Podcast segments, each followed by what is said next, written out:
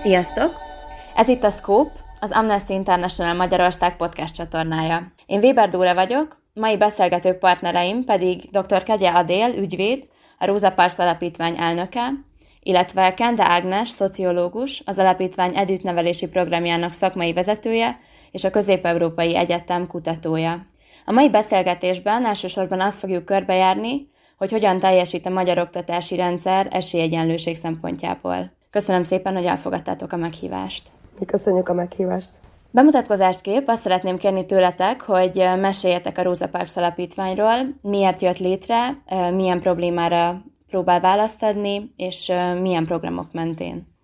A Rosa Parks alapítvány egy viszonylag fiatal alapítvány, mert hivatalosan csak 2016. januárjától létezik, azonban az egyik programja, láthatatlan tanoda program, mert 2013 óta működik Józsefvárosban. A tanodát az esélyt a hátrányos helyzetű gyerekeknek alapítvány keretein belül hoztuk létre, mi kollégák találtuk ezt ki annak idején. Ennek a tanodának az volt a lényege, vagy attól más, mint a többi tanoda, hogy önkéntes mentorok foglalkoznak a gyerekekkel, és nem csak hátránykompenzáló programokat biztosít számukra a tanoda, hanem az iskola választásban, az integrált oktatáshoz való hozzáférésben is segíti a családokat. 2016-ban tulajdonképpen azért jött létre a Rosa Parks alapítvány, hogy ezt a tanoda programot tovább vigye, miután a másik alapítvány már nem működött aktívan, tehát amikor elindult az alapítvány, akkor, akkor még csak egy programja, a láthatatlan tanoda volt. Aztán én 2017-ben csatlakoztam kurátorként a Rosa Parks alapítványhoz, és egy évvel később pedig átvettem annak a vezetését. Jelenleg most már nem csak a Tenoda programunk van, hanem ezen kívül még másik két viszonylag jól elkülönülő programmal működünk. A Tanodán kívül 2017 óta van egy jogsegélyszolgálatunk, oktatási ügyekben segítünk a szülőknek, mindenféle problémával foglalkozunk, nem csak a roma gyerekek oktatási esélyeivel, hanem egyébként a jogsegélyhez zömmel fogyatékos gyerekek szülei fordulnak különböző oktatási problémákkal. És 2019 végén indult az együttnevelési programunk, aminek Ágia vezetője. Ez a program azon az elképzelésen alapul, hogy lehetnek ebben az országban olyan intézmények, olyan települések, amelyek végre elkezdik felszámolni a helyi szegregált oktatást, és partnereink lehetnének abban, hogy egy inkluzív, egy befogadóbb helyi oktatási rendszer alakulhasson ki. Az alapvető elképzelésünk az volt 19 elején, amikor elkezdtük megtervezni másik két civil szervezettel együtt ezt a programot, a Partners Hungary-vel és a Motiváció Egyesülettel, hogy olyan települések számára, intézmények számára ajánljunk fel oktatásfejlesztési szolgáltatásokat, illetve szakértői munkát, akik egy szegregációs perben, amiben, amit egyébként jogi képviselőként én csináltam az esélyt a hátrányos helyzetű gyerekeknek alapítvány képviseletében, tehát akiket bíróság kötelezett arra, hogy szüntessék meg a szegregált oktatást. Azt gondoltuk, hogy egy ilyen ítélet után majd ennek eleget tesznek a, az iskolafenntartók, megindul az országban 13 településen a deszegregáció, és mi civilként tudjuk őket segíteni, hogy ez ne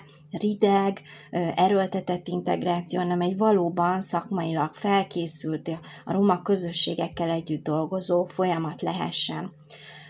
Aztán sajnos arra arra kellett ráeszmélnünk viszonylag hamar, már a tavalyi év elején, hogy ezek a deszegregációs tervek, amik az ítélet nyomán elkészültek, ezek egyáltalán nem alkalmasak arra, hogy valóban helyben megszüntessék a roma gyerekek iskolai szegregációját, Sajnos egyetlen ö, olyat se találtunk, ami, ami, a, ami erre a, a effektíve alkalmas lett volna. E, úgyhogy az együttnevelési programunk, ami éppen frissen indult, rögtön egy olyan ö, akadályba ütközött, ami a teljes program újra tervezését ö, kívánta meg, és így jutottunk el oda, hogy óvodákkal kezdtünk el foglalkozni.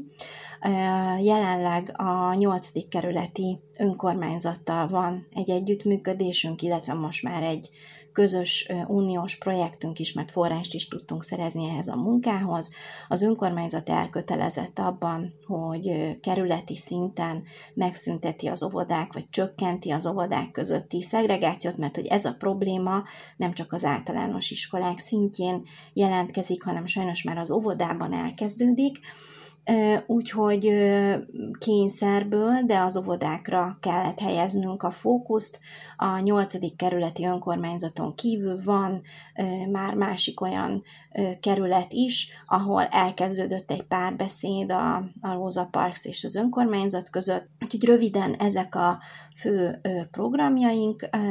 Látható, hogy nagyon különböző eszközökkel, de lényegében ugyanazzal a problémával foglalkozunk, tehát az inkluzív oktatás előmozdítása a célunk, a szociális munka, a pedagógia, jog és a szociológia eszközével.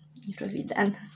Említett, hogy uh, tulajdonképpen kényszerből foglalkoztok óvodákkal, hogy elsősorban iskolákkal szeretettek volna foglalkozni. Tudtok mesélni kicsit arról, hogy miben lesz itt más a módszertan, mint amire eredetileg gondoltatok?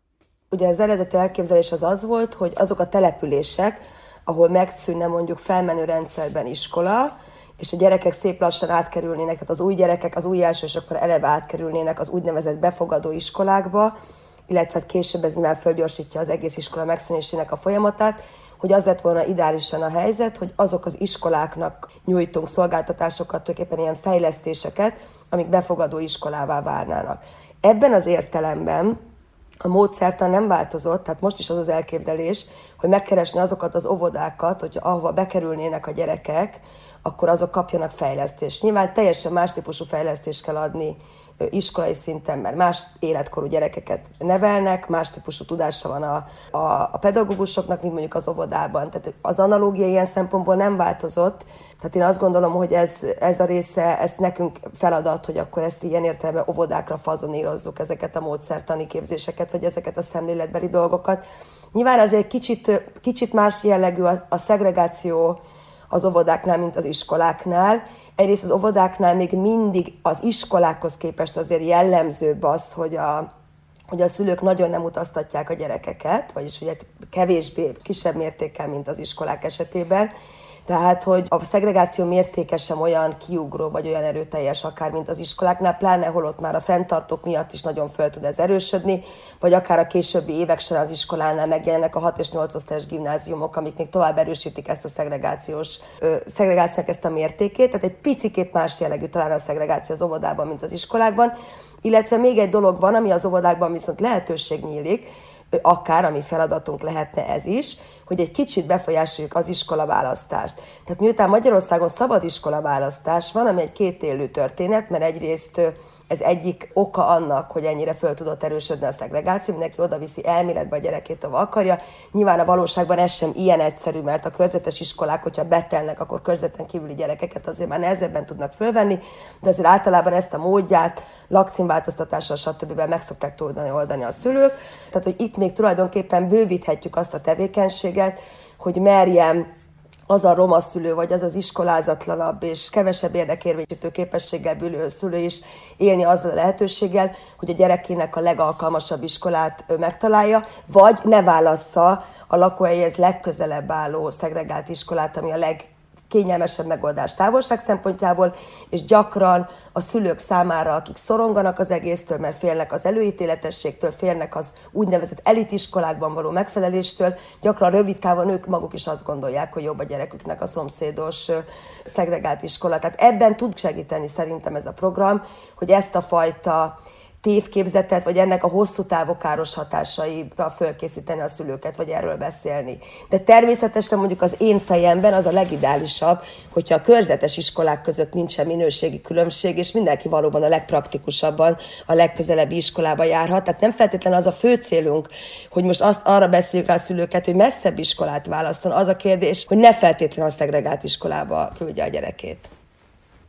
És magán a programon belül hogyan fogtok foglalkozni a pedagógusokkal, illetve hogyan fogtok foglalkozni a szülőkkel, milyen szinten vonjátok be őket a, a munkába?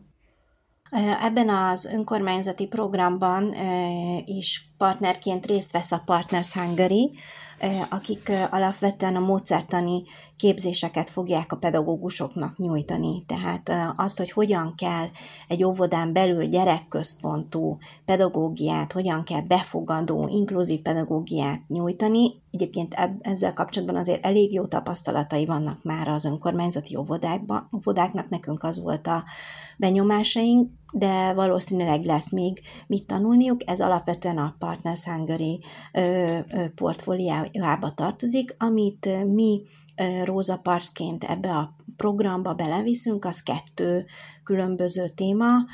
Az egyik maga a deszegregációs folyamat, az inkluziós stratégia kidolgozása, ennek szakmai támogatása. Alapvetően ez az, amiben Ágival nekünk a legnagyobb szerepünk van az alapítványtól aztán pedig a másik oldala a Rosa Parks részvételének ebben a munkában, az pedig az óvodán belül a szülőkkel, a közösséggel való munka. Tulajdonképpen úgy terveztük meg ezt a programot, hogy amit a láthatatlan tanodán belül most már nyolcadik évet csinálunk, azt a típusú munkát szeretnénk az óvoda falain belül is elvégezni, ez egyrészt jelent egy játékpedagógiai foglalkozást a, a, a gyerekek számára, de ami talán fontosabb, és amire az óvodának kevesebb lehetősége, kapacitása van, az az, hogy a szülőkkel egy ö, ö, közösségépítési folyamatot megindítani.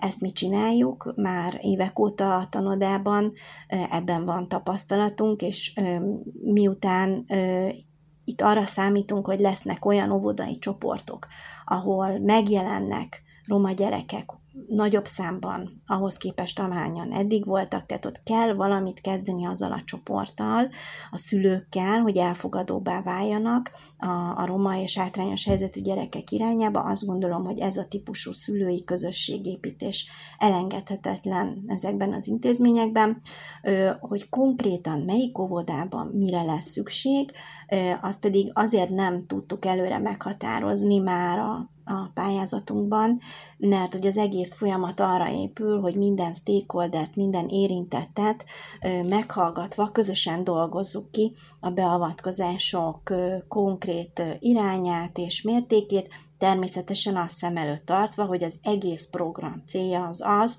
hogy méltányosabb legyen a roma gyerekek óvodai nevelése a kerületben, csökkenjen a szegregáció, és befogadóbbá váljanak az intézmények. Tehát ez a végcél, hogy ennek milyen eszközei lesznek, azt pedig szeretnénk együtt a pedagógusokkal és a szülőkkel kidolgozni. Az első öt hónapot tulajdonképpen erre szánjuk Egyébként, hogyha számok szintjén gondolkodunk, akkor a szegregáció mértéke az milyen szintű, akár kerületi szinten, hogyha ugye ti a 8. kerületben dolgoztok elsősorban, akár budapesti szinten, akár országosan. Fia, a szegregáció mértékére én most pontos számot nem fogok tudni neked mondani, mert nagyon sokféle módon lehet mérni. Eleve maga a szegregáció definíció problémás, hogy most a 25% fölötti, a 50% fölötti, 75% fölötti mérem, halmozott a hátrányos helyzetű gyereket mérem romát, tehát hogy azért ez nagyon-nagyon sok definíció.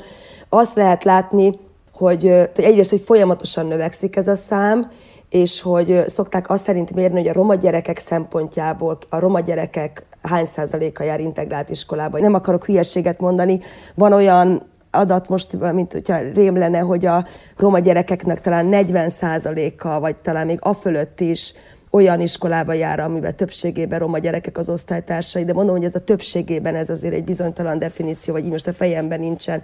Amit tendenciaszerűen látunk, és azt szerintem érdekes, vagy azt biztosan tudom állítani, hogy tulajdonképpen a rendszerváltás óta ez a tendencia folyamatosan erősödik, és hiába voltak éveken át a Magyar Bálint érá alatt, tehát az, ami azt jelenti, hogy ő 2002-től 2006-ig, illetve tágabban mérve 2002-től 2010-ig kormányzott, vagy volt ö, szocialista, illetve liberális oktatási kormányzata Magyarországnak, amikor egy csomó integrációs törekvés volt, de ezek az integrációs törekvések miután főleg ö, ösztönző politikára épültek, tehát a strukturális problémákhoz nem nyúlt hozzá, magyarán lefordítva sem a, az iskolaválasztást nem tudta befolyásolni, sem a 6-8 osztályos gimnáziumoknak a létét, sem akár az egyházi iskolák vagy magániskolák elszívó hatását, ezért igazából az ösztönző politika nem volt arra elegendő, hogy megfordítsa ezeket a tendenciákat, mindenképpen valamennyire a politikai diskurzusokkal kedvezőbb volt, mint a mai most.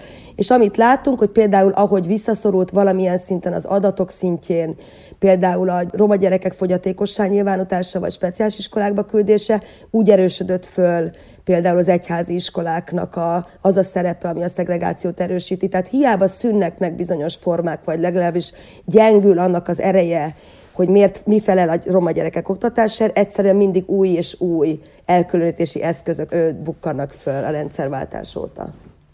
Ehhez még annyit tennék hozzá, hogy adatok hiányában, ahogy az Engi is említette, egyszerűen mérhetetlen. Nem gyűjtünk az oktatáson belül megbízható adatokat arról, hogy milyen etnikumok, milyen nemzetiségűek a gyerekek, önbevallás szintjén sem. Egyetlen módszer van, ami, amit az általános iskolákban, majd a középiskolákban használnak, hogy az igazgatók évenként megbecsülhetik a tanulói körében a roma gyerekek arányát, ez nem egy kötelező adatszolgáltatás, és évekig egyébként ez egy hozzáférhető adat volt.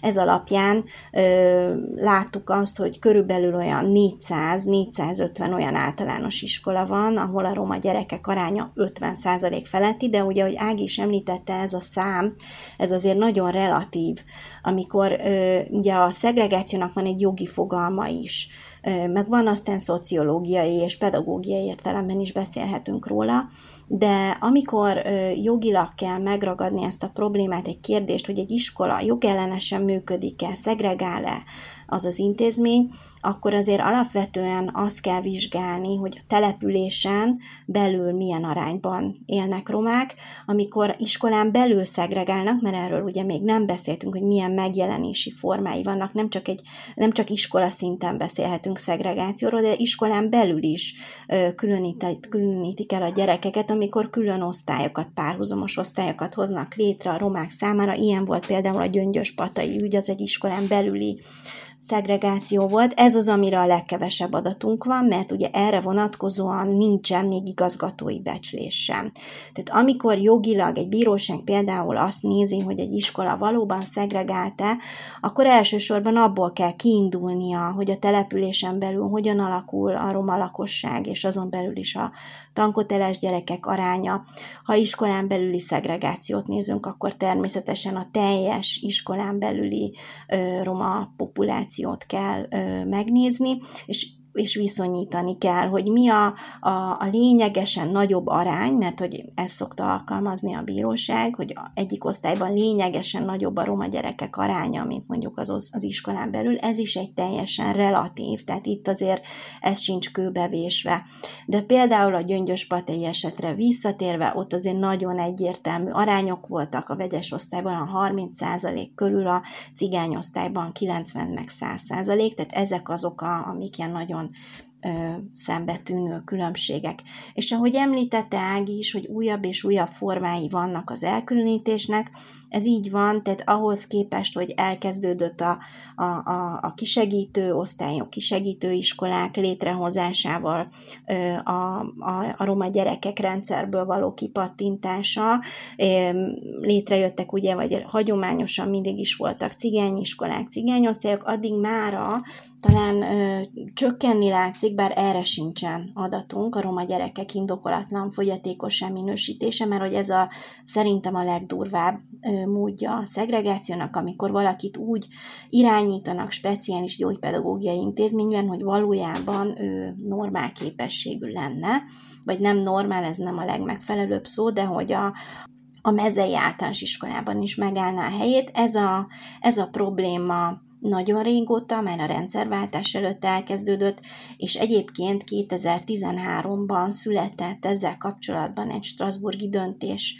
ami Magyarországot elmarasztalta két roma tanuló kapcsán, akik, mint kiderült, indokolatlanul kerültek speciális intézménybe, gyógypedagógiai iskolába, és ennek kapcsán még a mai napig is folyamatban van egy vizsgálat Magyarországgal szemben, hogy valóan mennyire javult a helyzet, és az az igazság, hogy azért nem tudja az Európa Tanács lezárni ezt az eljárást, mármint annak vizsgálatát, hogy ez még mindig fennáll, mert nincsen adat, és nem tud a kormány tulajdonképpen meggyőző bizonyítékokat szolgálni arra, hogy ez a gyakorlat befejeződött. Nekem egyébként konkrétan Gyöngyös Patánról vannak még 2014-ből is olyan szakértői vélemények gyerekektől, akiket bizony olyan mérési eljárásokkal nyilvánítottak szegregáltan oktatandónak, tehát speciális nevelési igényűnek, amiket már nem lehetett volna használni, mert amikről például már ez a Strasburgi döntés is úgy vélekedett, hogy ezek nem kultúra függetlenek, vagyis ezek azok, amik nem objektív eredményt hoznak a roma, illetve a, a, a, a nagyon rossz szociális körülmények közül érkező gyerekek esetében. Csak ez kiegészítésül, de nem ellentmondva egyáltalán az adélnak, és ez csak egy elvi dolog, hogy azért, tehát a napi gyakorlat lehet, hogy ezt felülírja, vagy ezre vannak rossz példák, azért változott meg alapvetően ez az egész fogyatékosá nyilvánításos történet, mert hogy elvileg most már csak középsúlyos fogyatékosokat lehet szegregált típusú intézményekbe küldeni, tehát mindenki, aki enyhének számít, azt elvileg integráltan a normál iskolába kell küldeni. Tehát magyarán a, tulajdonképpen nem a roma gyerekekkel szembe változott meg a gyakorlat, hanem általában változott meg az a gyakorlat, hogy kit milyen típusú iskolában küldenek a szakértői bizottságok. De miután ez nyilván egy finom átmenet, és nagyon gyakran nem lehet ilyen élesen elválasztani, hogy kinek mi a problémája, ezért nyilván egy csomó esetben indokolatlan az, hogy szegregált papírt kapjon, illetve akár, hát fordítva reméljük, hogy nincs ilyen. Na, ez csak egy kiegészítő volt. Beszéltek arról, hogy milyen különböző formái vannak az elkülönítésnek, akár iskolán belül, akár iskolák közt, de hogy esetleg kicsit bővebben magáról a folyamatról, hogy mik azok a faktorok, amik ehhez vezetnek, hogy törvényi szinten kell itt keresni az okokat, iskolai szinten, iskolai vezetés szinten, a szülők választásában kell keresni az okokat, hogy érdemes ezt megközelíteni nagyon sokrétű ez a probléma, mert ö, itt nem csak arról van szó, hogy nem jók a jogszabályok. Tehát ez, ez nem igaz, ha, ha mindenki betartaná, vagy, vagy érvényesülne a mostani jogszabályi környezet, akkor, akkor nem szabadna, hogy legyen elkülönítés sem iskolai szinten, sem osztály szinten, hiszen a magyar jogszabályok ezt teljesen egyértelműen tiltják, tehát nincsen tulajdonképpen, nem lehetne bizonytalanság a fenntartó vagy az intézmény vezető fejében a, abban, hogy most jogszerűen a gyakorlata vagy sem. Úgyhogy nem a jogszabályok szintjén van a probléma, bár biztosan lehetne egyértelműsíteni, mert az én gyakorlatomban azért mindig az szokott az első reakció lenni a szegregáló fél részéről, de hát ő nem tudja, hogy ki a roma, hát hogy tudná, és hogyha ő nem tudja, hogy ki a cigány, akkor egyáltalán hogy merül fel, hogy ő mondjuk etnikai alapon szervez osztályokat. Tehát ez, ez egy olyan probléma, ami nyilván így nyilatkozatok szintjén feljön, de valójában ugye mindannyian ö, tudjuk, hogy ez nem igaz, tehát ö, épp, hogy ránézésre ezek az iskolaigazgatók a család ismeretében, a lakóhely ismeretében azért pontosan tudják, de mondjuk ez egy olyan kérdés, ami mindig felmerül. Ö, ami inkább a probléma az valójában a, az előítéletekben rejlik, de én meghagyom Áginak, hogy erről bővebben beszéljen. A másik pedig, hogy hogy nálunk, mintha egy ilyen érinthetetlen, mindenek felett álló jog lenne a szülő szabadiskola választása. Tehát e, ez ez annyira belénk vésődött, annyira úgy gondoljuk, hogy ez egy mindent felülíró jog, hogy, hogy ez szabad utat ad a, a, azoknak a családoknak, akik ö, tudatosan legjobb minőségű oktatást szeretnék választani, viszont nem ö, érvényesül a cigány, illetve hát a, az aluliskolázott és elég rossz szociális körülmények között élő családok esetében.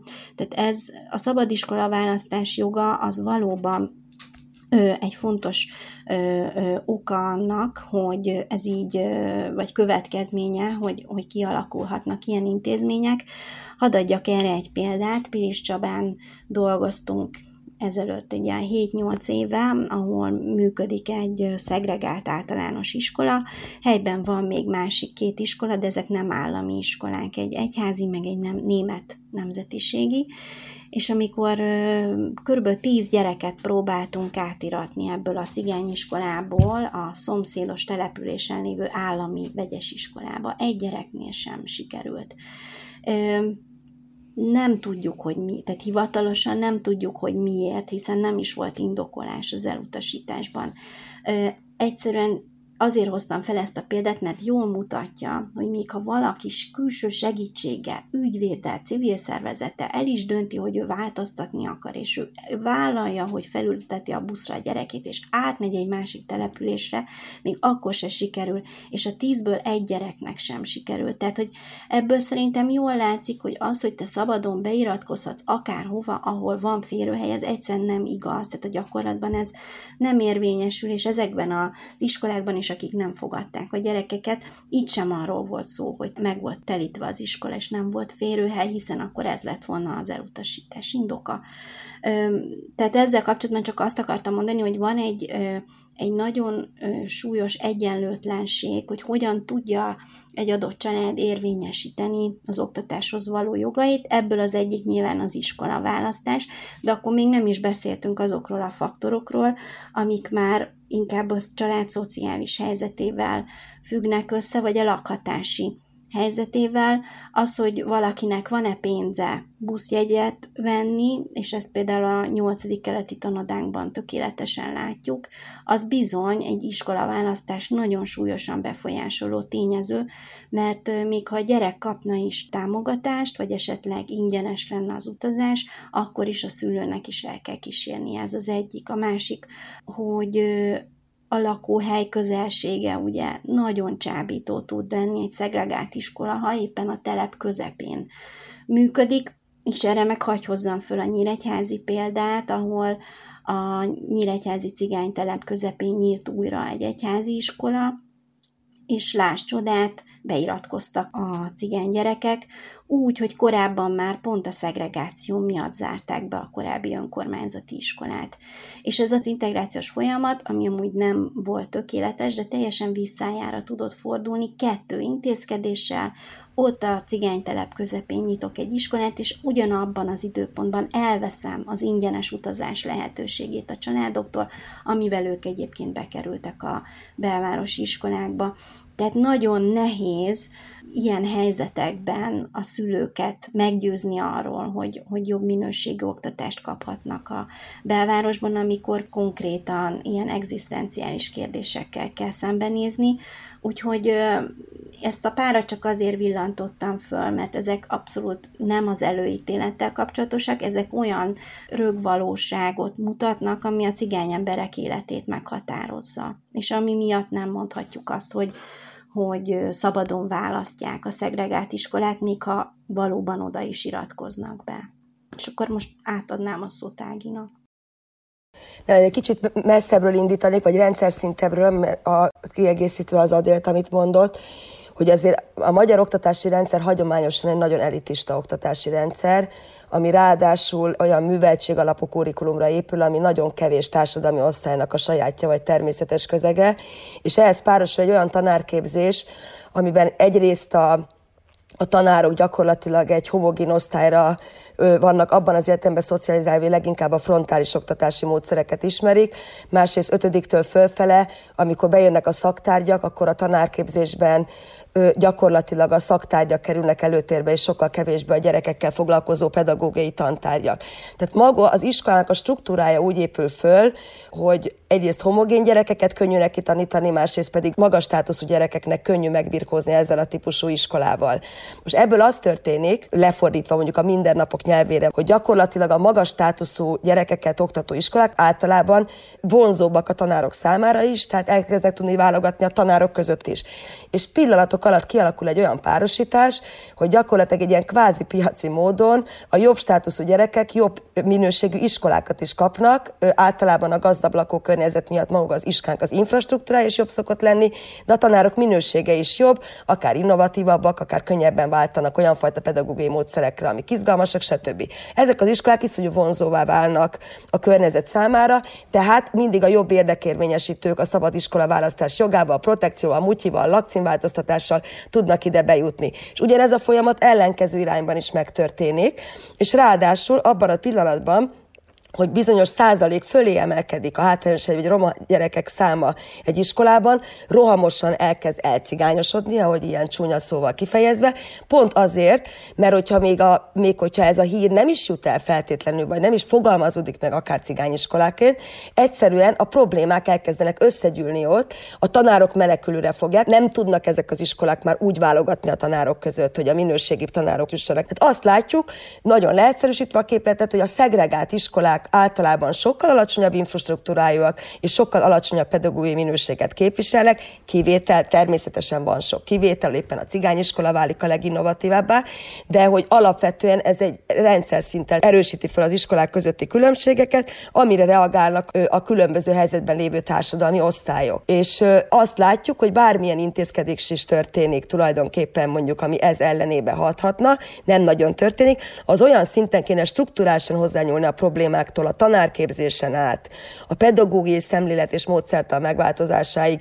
Ehhez jöhetne valóban az, hogyha, tehát mondok egy ideális állapotot, hogyha a körzeti iskolák egyformán jó minőségűek, és kapacitásilag csak annyi gyereket tudnak fölvenni, amennyi a körzetükben lakik, tehát betelik azzal a hely, fogynak a gyerekek, ez általában az iskolákban leginkább, pláne az alacsonyabb státusz iskolákban egyre több hely van, egyre több szabad hely van, egyre több gyereket tudnának fölvenni, akkor tulajdonképpen maradnának még mindig a menekülő voltak magániskolák és egyháziskolák, de már például sokkal többet tudtam volna tenni azzal, hogyha az egyforma minősége a körzetiskola, akkor egy szülő is meggondolja, hogy akarja ő messzire vinni azt a gyerekét. Szóval, hogy, hogy ez egy sokkal-sokkal komplexebb folyamat, ami egyébként a roma gyerekeken túl is nagyon sok gyereket érint, mert a tanárképzésnek ez a, ez a változtathatatlansága, vagy a tanári minőségnek ez a fajta itt ragadtsága, hogy még mindig a frontális módszer mondjuk a döntő, ez az őszintén téve minden gyereknek káros és nem túl szerencsés. Beszéltünk egy korábbi alkalommal a 2000-es években Hódmezővásárhelyen megvalósuló rendszer szintű iskolai átszervezésről. Arról tudnátok pár mondatot mondani, hogy az miért tudott akkor sikeres lenni, és hogy azóta azzal mi történt? Én arról írtam annak idején egy pár éve egy elemzést, egy részletes elemzést, ami még tulajdonképpen az utolsó pillanata volt akkor, amikor ez a dolog még működött, és utána szerintem szétesőbe lett, de konkrét mai helyzetet csak sejtéseim van, a konkrét információm nincs. Tulajdonképpen ott összekapcsolódott több dolog is. Az egyik az, hogy volt egy nagy racionalizálás. Olyan kevés gyerek volt, hogy 11 iskolából körülbelül 5-6-ot volt értelme föntartani. Ez volt az az éra, amikor a Magyar Bálint volt a miniszter, és olyan uniós források voltak kiírva, olyan uniós pályázatok, amikor ezt a fajta városi szintű integrációnak a megvalósulását rengeteg pénzt lehetett honorálni, plusz ebben az időben volt az a bizonyos integrációs normatíva, meg IPR, ez az integrációs pedagógiai keretrendszer, aminek a kapcsán sokkal több pénzhez juthattak azok az iskolák, akik integrálnak, egy csomó módszertani képzést kaphattak, és még ehhez mellé le lehetett hívni pályázati pénzt az integráció megvalósulásához, és még egy csomó pénzt lehetett azon nyerni, hogy a 11 iskolából csak hatot tartanak fönn. És akkor volt tulajdonképpen ilyen értelemben az a zseniális húzásuk, akkor egész minisztérium gondolkozott ennek a munkaügyi megoldásán, hogy ez azt jelentette, hogy nem csak arról volt szó, hogy, hogy be kellett zárni egy csomó iskolát, hanem bizony meg kellett szabadulni mondjuk 300-ból tudom én, 100-200 pedagógustól, most nem emlékszem pontosan, de nagyon sok pedagógustól. És akkor az volt az ötlet, hogy nem a bezárt iskolák pedagógusait bocsátják el, hanem egy napra kvázi mindenkinek fölmondják a munkaviszonyát, és utána egy minőségi skála szerint, amit fölállítottak, egy indikátorrendszer szerint vették vissza a tanárokat. Nyilván figyelembe vették az életkort, nyugdíjaztatást, stb. egy ilyen praktikus dolgokat, de tulajdonképpen csináltak egy minőségi szelekciót a, a pedagógusok között, és ez a minőségi szelekció, ez azzal járt, hogy tulajdonképpen egy csomó már mondjuk képzéseken átesett cigányiskola pedagógusa is meg tudtak maradni. Egészen konkrétan tudom, hogy ott egy cigányiskola, ami nagyon innovatív volt, annak a pedagógusai újjá tudtak főnix madaraként kelni az, azokban az iskolákban, amik korábban az elitiskolák voltak, mert ugye már a városi iskolák maradtak meg, amik főleg az elitiskolák voltak. Tehát volt egy ilyen átszervezés, amit rengeteg pénzzel tudtak megtámogatni, plusz az egyházakkal le volt dílelve, hogy ebben nem nyúlhatnak bele, tehát hogy ebben most nem rondíthatnak bele, ami azt hiszem talán úgy volt egyrészt, akkor az egyháziskoláknak még nem volt ennyire könnyű a létük, mint amit a 2010-es szabályozás megváltoztatta az ő alapítási lehetőségeiket. Ha az egyház átvett egy iskolát, világi osztálynak végig kellett mennie a felmenő rendszerbe, tehát egészen sokkal szigorúbb szabályai voltak. Tehát lényeg az, hogy az egyház iskola tulajdonképpen nem nyúlta le az elit gyerekeket ilyen értelemben, és akkor ezzel a gyerekek összekeverésével, a pedagógusok minőségi ö, szelekciójával, illetve ezzel rengeteg pályázati pénzzel, amire egy csomó képzést tudtak nyújtani, tulajdonképpen megvalósult az országban egyedül egy elképesztő autoriter Lázár János városvezetése alatt, aki lenyomta a torkán tulajdonképpen mindenkinek ezt az ötletet, egy ilyenfajta integráció. Amikor én ott jártam, akkor az az oktatási referens, aki egyébként tökre integrációpárti volt, és nagyon jó fej volt, és szakmailag nagyon a dolog mögött állt, őt akkor kinevezték tankerületi vezetőnek, de akkor még ez a központi tankerület volt, a tankerület vezetőknek akkor még nem volt az a fajta kicsit megnövekedett hatalmi, mondjuk az utolsó, utóbbi években, talán 2016 óta, és, és ő akkor még eléggé zálogának mutatkozott annak, hogy továbbra is fönnmaradjon ez a dolog, és amikor én utoljára talán hallottam róla, az egyházi iskolák ott is nagyon megerősödtek, és ilyen értelemben az egyházi iskolák visszaszívták a, elszívták az elit gyerekeket, tehát hogy semmiképpen nem, nem működik már ez olyan formában, mint az elején. Azt mondod, hogy itt alapvetően autoritár módon került ez az egész megvalósításra, de hogy tartalmilag egyébként követendő példának tartanád ezt? Abszolút abszolút követendő példa volt, és nyilván ez egy bonyolultabb, sok, mit tudom én, mély fúrásos elemzést igényelne, hogy most itt a Lázár Jánosnak az autoritár személyisége valójában ebben mennyire volt benne, vagy mennyire volt az, az elképesztő racionális ötlete, hogy én egyszer összeszámoltam a pénzt, tehát hogy ezzel, hogy megvalósította ezt, sok-sok milliárd forinthoz juttatta a város. Tehát, hogy ő most valójában szerette érzelmileg az integrációt, vagy szerette azt a Szerintem egyébként ő akkor ezt értette és el is fogadta. Én nem gondolom, sok konferenciára hívtuk akkor el, és beszélt ő erről.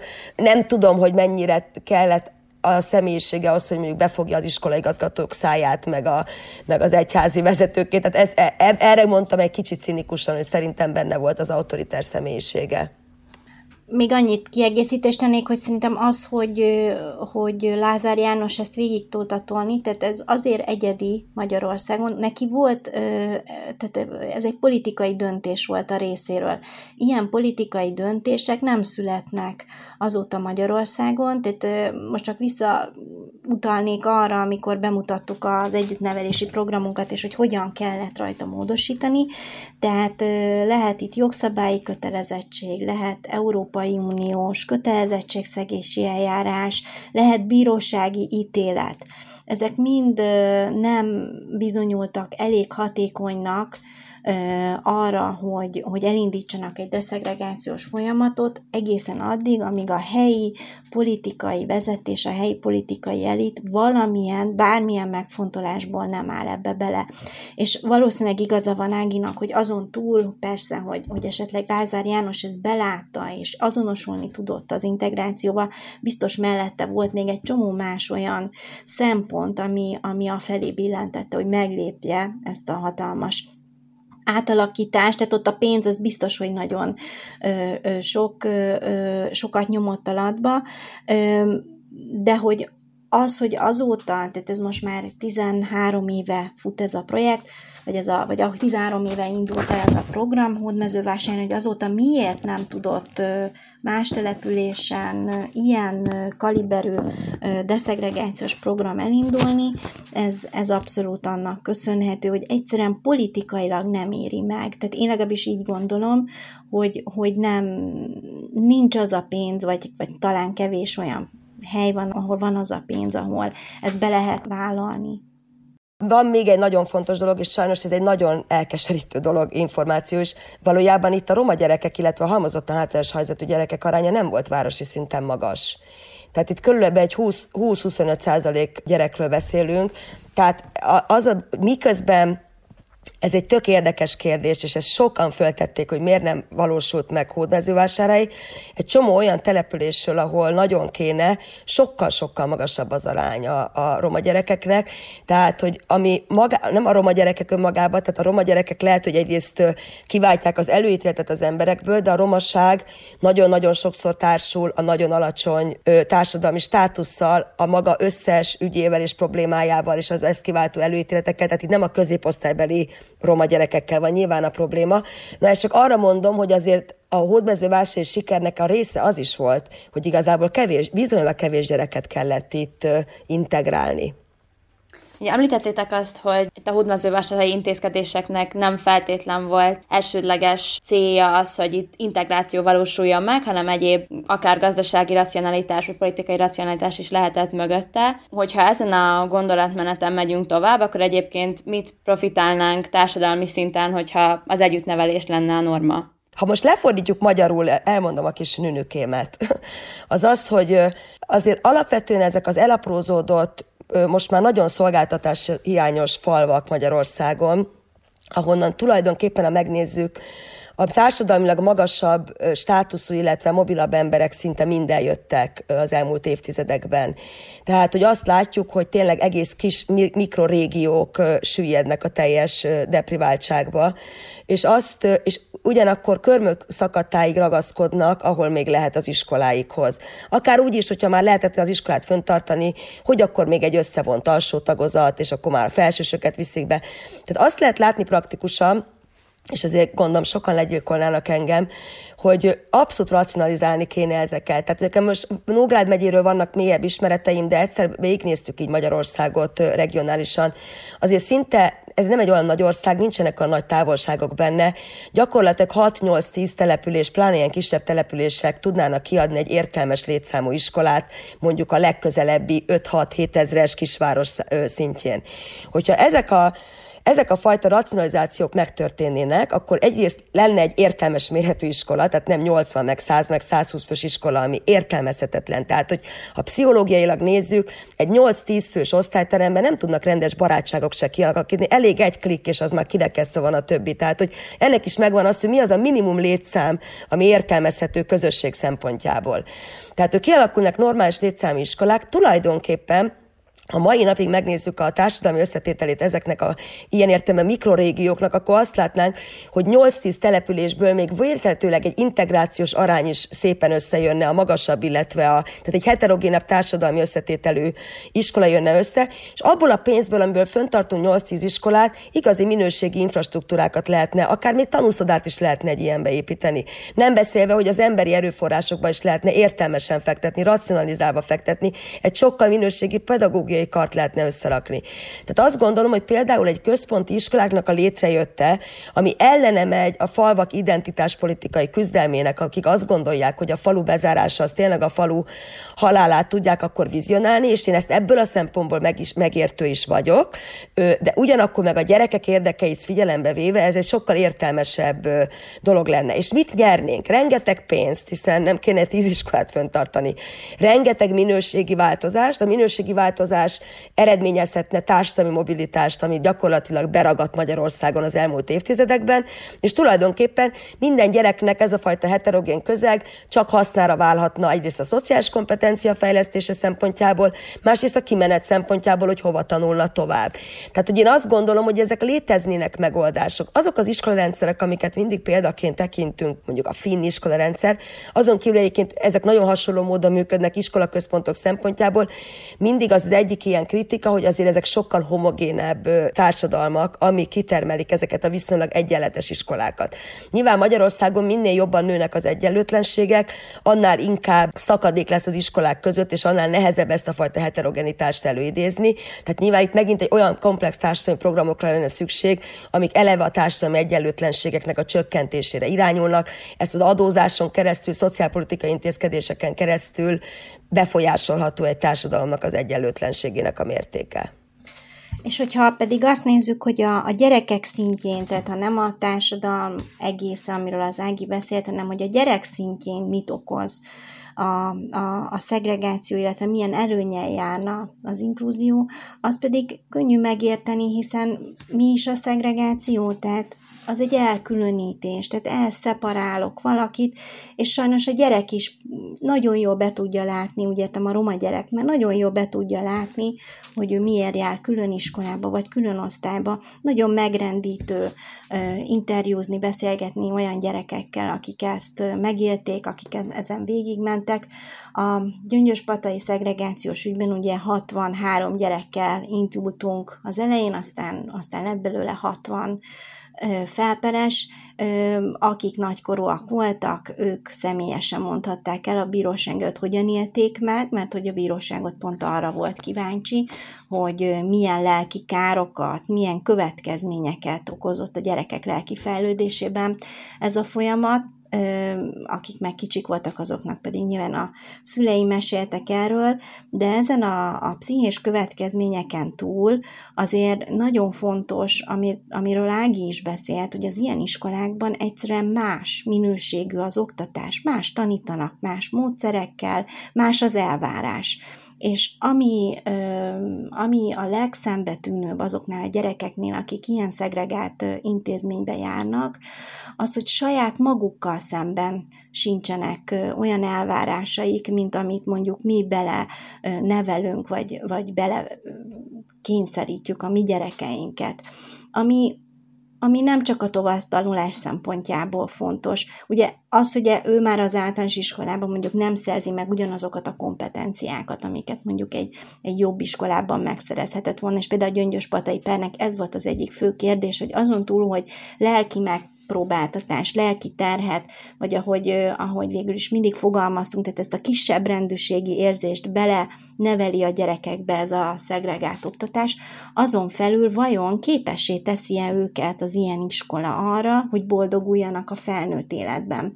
Elveszi-e az esélyét a boldogulástól egy ilyen intézmény, és azért volt ez a gyöngyös patai ügy tulajdonképpen precedens értékű, mert ez volt a, a legnagyobb újítása ennek a, az ítéletnek, ami aztán végül született, hogy a, a tulajdonképpen a munkahelyi belesetek, vagy az egészségkárosodáshoz hasonlóan azt találta a bíróság, hogy igen, ez az, az ilyen típusú oktatás elveszi az esélyét a gyerektől arra, a, attól, hogy, hogy a későbbi életében ö, jó megélhetést biztosítson magának és a családjának, és egy tök jó párhuzamot lehetett vonni, például valakinek a munkahelyén, a gyárba mondjuk levágja a kezét a gép, most ez egy ilyen durva példa, de egyébként erről beszéltünk a, a per során is végig, akkor, akkor egy olyan egészségkárosodást szenvedett, ami nek következtében ő már nem fog tudni ugyanolyan értékű munkát, ugyanolyan munkabérért végezni a jövőben, és ezt egész életére nézve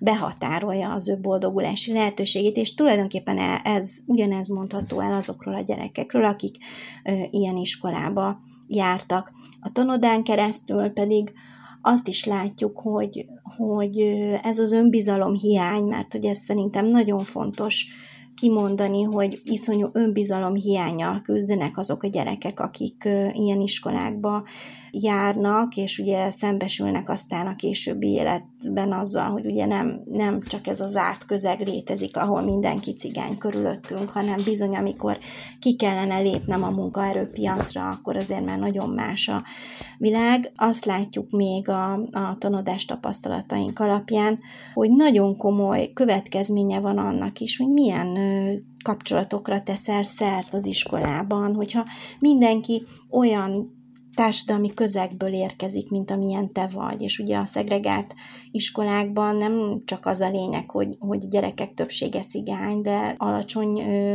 ö, szociális helyzetből is jön, tehát szegények ezek a családok. Tehát ha csak ilyen közegben nősz fel, ö, mindenki otthonról hozza a maga kis ö, kríziseit, lakhatási, szegénység, nagyon sokszor ezek a családon belül komoly konfliktusokat okoznak, tehát egy, egy folyamatos stressz helyzetben nőnek fel ezek a gyerekek, és az iskolán belül is egy olyan közegben vannak, ahol mások is ugyanezzel néznek szembe, sem a pedagógus nem tudja ezt kezelni, hiszen ez egy lehetetlen feladat, amikor minden gyerek ennyire ö, ö, súlyos helyzetből jön, és nem is látnak mást. Tehát egyszer nem lesz közvetlen tapasztalás ezeknek a gyerekeknek arról, hogy milyen más ö, élethelyzetek vannak. Mi az a, tehát nem, nem talál saját motivációt sem arra, hogy ebből kitörjön erről, ebből ezen változtasson. Egyrészt az objektív körülmények miatt nem tud, hiszen az, a, az amit ő szerez tudást, meg kompetenciát ebben az iskában, az nem nagyon lesz elég arra, hogy ő érettségit adó intézménybe menjen tovább. Másrésztről nem is lesz közvetlen tapasztalása a más szociális helyzetű gyerekek élethelyzetéről. Úgyhogy ez már nem annyira a struktúra, ez inkább a, a, a, amit a gyerekeknél konkrétan tapasztalunk, és amit egyszerűen nem lehet helyrehozni. Tehát aki, aki ezen végig megy, az, az alapvetően meghatározza az egész életét.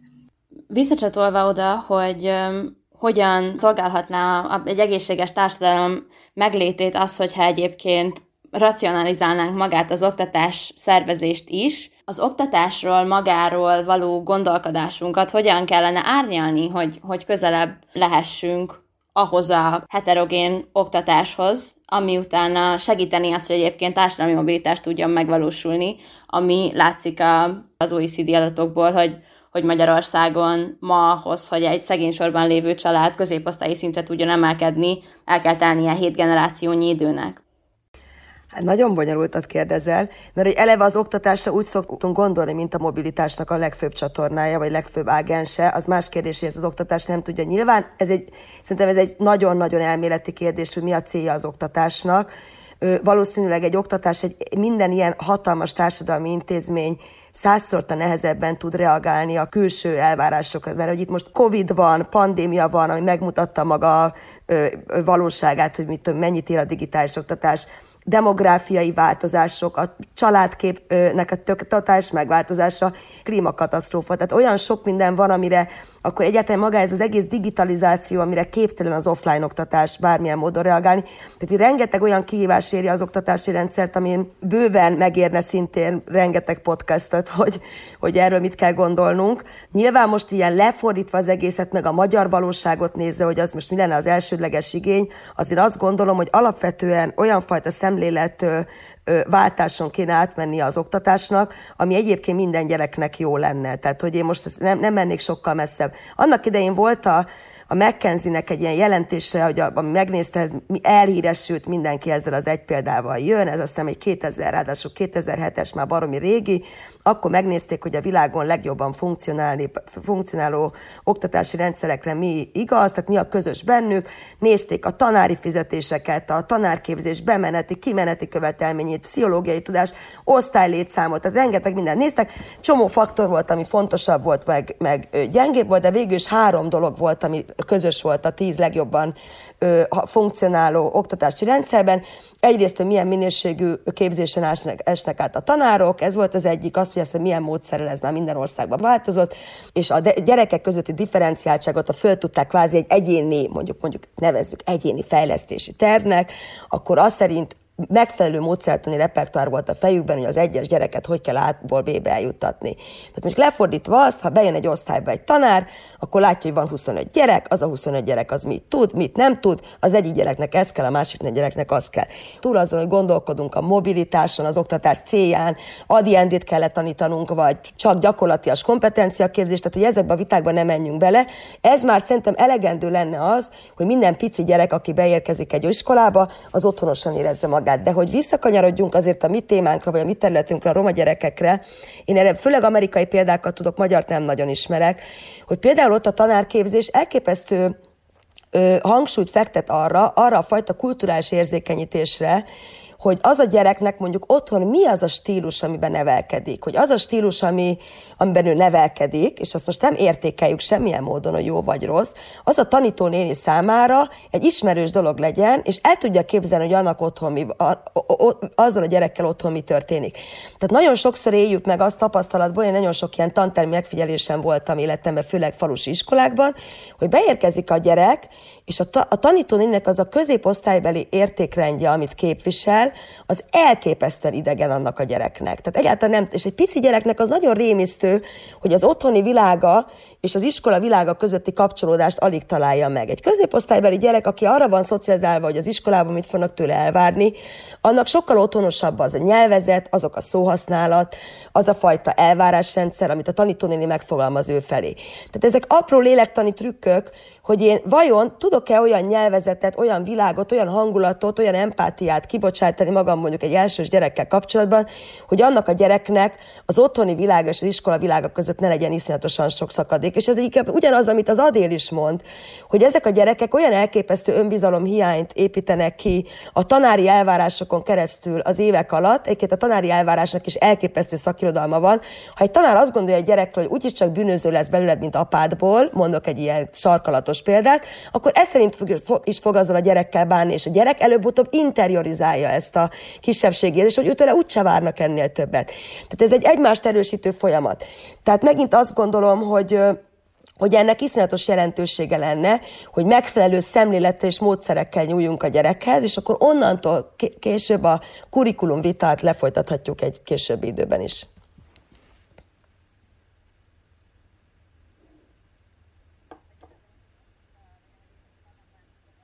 Ahogy erről gondolkodunk, vagy ahogy én magamban gondolkodom, ahogy hallgatlak titeket, próbálok olyan bemeneti pontokat találni, ahol úgy lehetne változást elérni, akár a, a, a pedagógus képzésben, aminek utána mégis nagyon nagy hatása lehetne arra, hogy mi történik az osztálytermekben, még hogyha egyébként az egész rendszer nem is változik meg ettől strukturálisan hogyha ilyen apró bemeneti pontokban, vagy nem olyan apró, de bemeneti pontokban gondolkodunk, akkor esetleg meg tudtak nevezni párat, ami, ami megvalósítható lenne?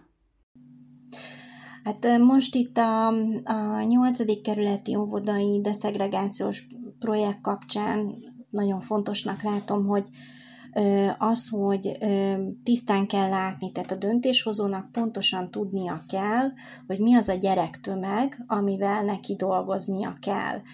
Ugye az elején utaltam erre, hogy, hogy ez az egyik fő hivatkozás, hogy nem tudjuk, hogy ki a cigány, ki nem cigány, tehát ahhoz, hogy, hogy át lehessen alakítani egy település, vagy akár egy kerületnek az oktatási struktúráját egy kicsit méltányosabbá lehessen, befogadóbbá lehessen tenni, és ahol van szegregáció, azt meg lehessen szüntetni, hát az a nulladik dolog szerintem, hogy lássunk tisztán, kik, kik laknak, milyen szociális helyzetük van, milyen iskolázottságuk van, cigányok, nem cigányok, bevándorlók. Tehát én azt gondolom, hogy a nulladik az az adatgyűjtés. Ha bárki mondjuk fenntartóként neki akar állni, felülvizsgálni a, a mostani rendszert.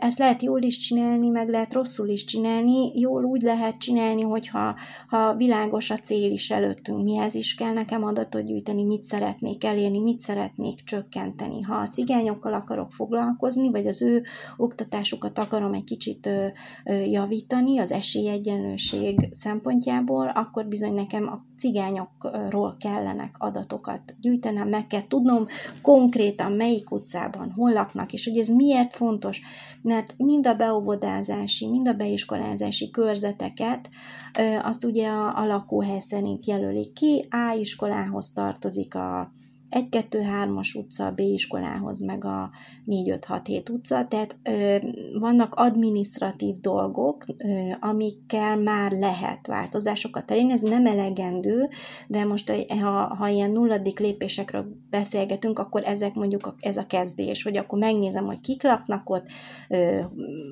milyen iskolaválasztási preferenciáik vannak ehhez, ugye már szóba kéne állni mondjuk a szülőket tudni, hogy mondjuk mit vár egy iskolától, mi a fontos neki, neki. Ehhez képest mi a helyi kínálat, mit nyújtanak az iskolák. Elmegy másik településre? Miért megy el? Azért, mert nem akar cigányokkal együtt járni, vagy azért megy el, mert ott emelt szintű angol van. Nem, mindegy. Um, tehát, hogyha ebben körülbelül látjuk, hogy mi a, mi a mozgás, mi a kínálat, akkor utána lehet a, a puhább dolgokkal is foglalkozni. Előítéletesség van a szülőkben? Miért? Mik azok a fő problémák, amik felmerülnek? Miért nem lehet ezt megoldani iskolán belül? Ez kompetencia hiányból adódik? Nincs eszköze a pedagógusnak, vagy nincs elég pedagógus, vagy nincsen ö, helyi, helyben iskolapszichológus, nem működik a jelzőrendszer? Ez nagyon komplex kérdés, de ahhoz, hogy egyáltalán nekiállhassunk bármiféle beavatkozásnak, ezeket mind tudni kell.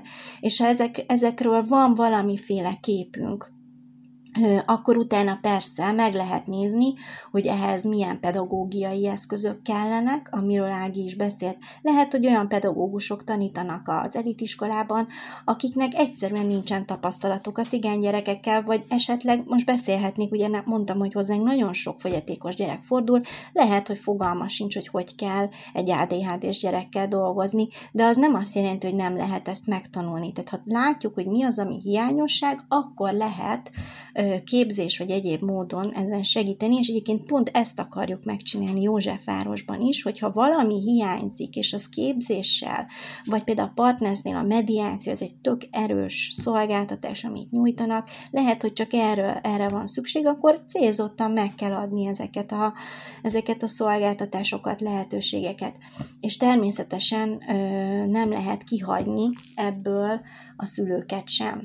Tehát a, a, amiről beszéltem, hogy mi, mi a szülőt, mi motiválja, tehát ez, egy, ez nagyon fontos ezt látni, mert nem biztos, hogy csak az előítélet. Lehet, hogy az is, és azt a legnehezebb egyébként feltárni, mert senki nem fogja se egy szóbeli interjú, sem egy ilyen kérdőíves izé, felmérés alapján nem fogja megmondani, hogy utálom a cigányokat, vagy nem akarok a gyerekem mellé hiperaktív osztálytársat, ezt, ezt nehezen lehet, de meg kell próbálni, mert azért erre vannak különböző eszközök, amiből lehet ezt detektálni, ezt Ági nem sokkal jobban tudja. Én csak azzal egészíteném ki, és nyilván ez az én szakmai ártalmam, hogy én mindent ilyen struktúrális problémaként nézek, és az egyénről próbálok elmozdulni, mert az egy, az a szembe teltetnenek érzem magam, vagy hogy azért bármilyen, amit mond az Adél, az, egy, az, az abszolút az, az alulról jövő perspektíva, hogy tényleg az adott szolgáltatás inté- vagy adott intézmény válassza meg a legideálisabb szolgáltatásokat. De közben itt van egy másik probléma, ami feszíti a tanárokat.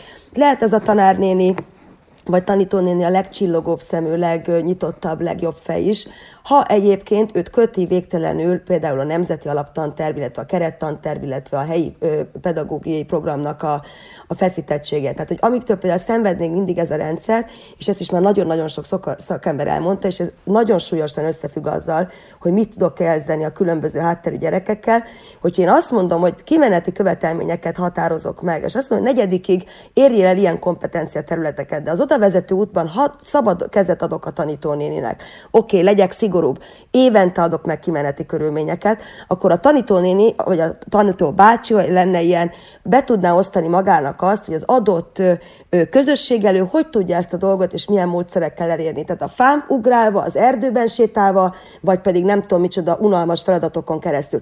Tehát az, az is nagyon szörnyű, hogy annyira, annyira ö, centralizált ez, a, ö, ez a, a mai oktatás, nem csak szervezésileg, de még tankönyveken keresztül is, meg a tanterveken keresztül is, hogy tulajdonképpen a tanárok megvannak attól az autonómiától és szabadságtól fosztva, hogy a, megfelel, a, a saját gyerek közösségükhöz alkalmazkodva találjanak ki dolgokat. Tehát az emelt angol az persze habatortán, ami tök jó elitcsalogató, egyébként nagyjából alsó tagozatban semmi értelme, de valóban, miután a, a szülők ez, ez egy vonzó szolgáltatásnak tűnik, ez már egy igényként értelmeződik. De mert nyilván kevesen fogják azt az igényt megfogalmazni szülői szinten, hogy változtassuk meg a kerettantervnek a struktúráját, mert ezt az emberek nem értik általában. De a gyakorlatban, hogyha beszélgetünk, ez baromira feszíti a pedagógusok lehetőségeit, még a legjobb pedagógusok lehetőségét. És ez nagyon-nagyon rosszat tesz a, a, ő, tulajdonképpen ilyen értelemben azokkal a gyerekekkel, akivel mi szeretnénk fókuszálni, vagy fókuszálni akarunk a roma gyerekeknek. Tehát, hogyha megnézzük a rendszert, előbb-utóbb azt látjuk, hogy mindig a leginkább, aki meg tud ezzel birkózni, a magas státuszú iskolázott gyerekek, akiknek gyakorlatilag mindegy, hogy iskolába járnak-e vagy nem, mert úgyis minden tudást meg fognak szerezni, és a mobilitásukat nem fogja rontani az iskola, viszont ezen a módon a mobilitást nem teszi lehetővé az iskola. Tehát én például ezt is egy nagyon fontos ilyen bemeneti pontnak érezném. Ez nem tudom, hogy mennyire strukturális faktor, de ugye ezt említetted Lági korábban, hogy eleve a, a magyar oktatási rendszer az úgy optimalizál, hogy, hogy középosztálybeli értékeket tekint normának, és azokat is szeretné átadni, illetve, hogy a középosztálynak és attól följebb jellemzően nagyon nagy beleszólása van abba, hogy a, hogy a jelenlegi rendszerben a saját érdekeit érvényesíteni tudja, de hogy a másik oldalon fel szokott merülni, ez is azért elvárásként egy oktatási rendszerrel, hogy, hogy tudja kompenzálni a, a családnak a, a hátterét, hogy ez a, ez a kettő, ez a jövőben nézve mennyire feloldható. Hát ez olyan vicces, pont nem régen olvastam egy tanulmányt egy Stanfordi professzortól, aki az amerikai iskolarendszer school syndrome-nak nevezi, iskola szindrómának. Tulajdonképpen te megfogalmaztad az összes világon ismert társadalmaknak az oktatási rendszerek a fő dilemmáját. Tehát tulajdonképpen a fő probléma az, hogy az exkluzivitás, tehát az, hogy én elvárom szülőként, vagy állampolgárként, hogy az iskola az én gyerekem egyéni érdekeit leginkább szolgálja az iskolán keresztül, és aknázza belőle ki azt, ami a legjobb. Ez tulajdonképpen mindig az exkluzivitás vagy a szelektivitás fele hat. Az inkluzivitással szemben, amikor azt mondom, hogy én a társadalmi közjóért küzdök, a társadalmi szolidaritás tud egybetartani egy közösséget, tehát nekem az az elvárásom, hogy minden gyereket nivellálva valahogy együtt tudjon tanítani. Tehát általában ezt a kettőt semmilyen oktatási rendszerek nem sikerül meghaladnia, vagy föloldani ezt a dilemmát. Nyilvánvaló lehet optimalizálni, lehet közelebb hozni a dolgot. Ha PISA jelentéseket, vagy az OECD adatokat nézzük, akkor Magyarország szélsőségesen nem tud megbirkózni ezzel a, ezzel a dilemmával, és mondjuk a, egy Finnország, vagy egy Skandináv ország, vagy egy sokkal inkább meg tud birkózni. De ha összefutsz az ő oktatáskutatójával egy konferencián, ő ugyanezt fogja fő problémának elmondani, hogy létezik a szelektivitás, hogy sokkal nagyobb hátrányt szenvednek a gyerekei. Még egy Dániában is az alacsony státuszúak választják a szakiskolai irányt, és a szakiskola nem vonzó egy magas státuszúnak. Tehát a dilemma, vagy az a jelenség létezik a világ összes társadalmában. Ennek a mértéke kérdés, hogy mennyire.